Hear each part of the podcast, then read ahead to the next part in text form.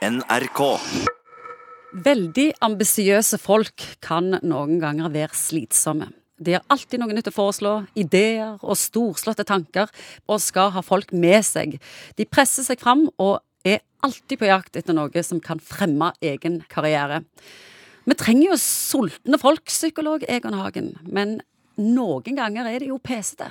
Jeg tror kanskje skillet går der mellom om du er ambisiøs utelukkende på egne vegne, eller om ambisiøsiteten din òg involverer andre.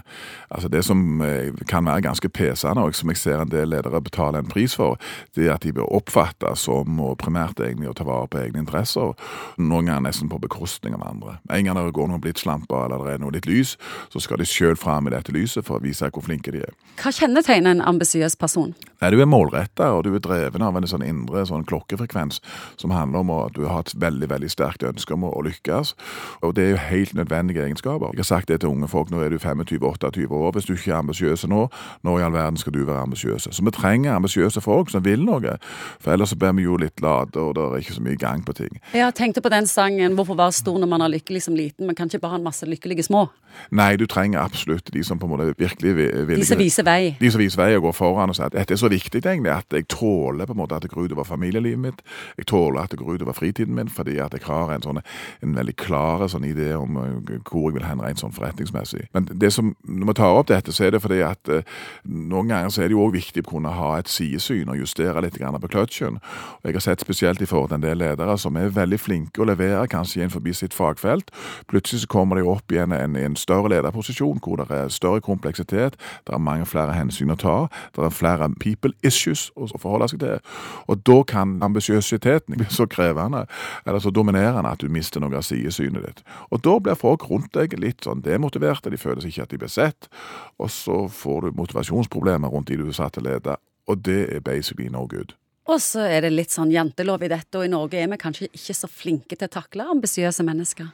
Nei, altså i Amerika, jobba litt i Amerika her tidligere, og da, da er det sånn at det å være ambisiøs, det forventes nesten at du er det, og du går bare ikke hjem før sjefen er gått hjem, og har du et eller annet som du kan vise fram, har du fine leggere, altså, så, så er det underarm, eller hva det måtte være, så viser du det fram.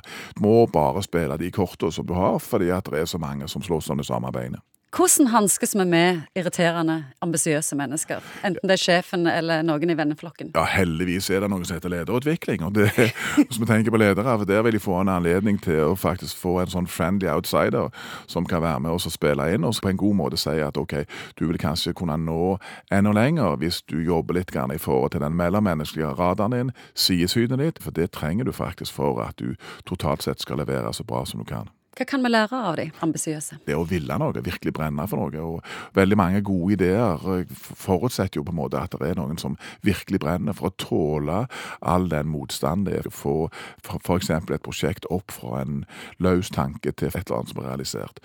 Da trenger du folk som har en veldig sterk indre kraft, og som ikke går og lytter så himla mye på den indre radaren, hvordan er liksom fritida mi, fordi at uh, de vil framfor alt få denne babyen opp og stå. Så det, det er disse evinnelige balansene vi har snakket om så mange ganger før.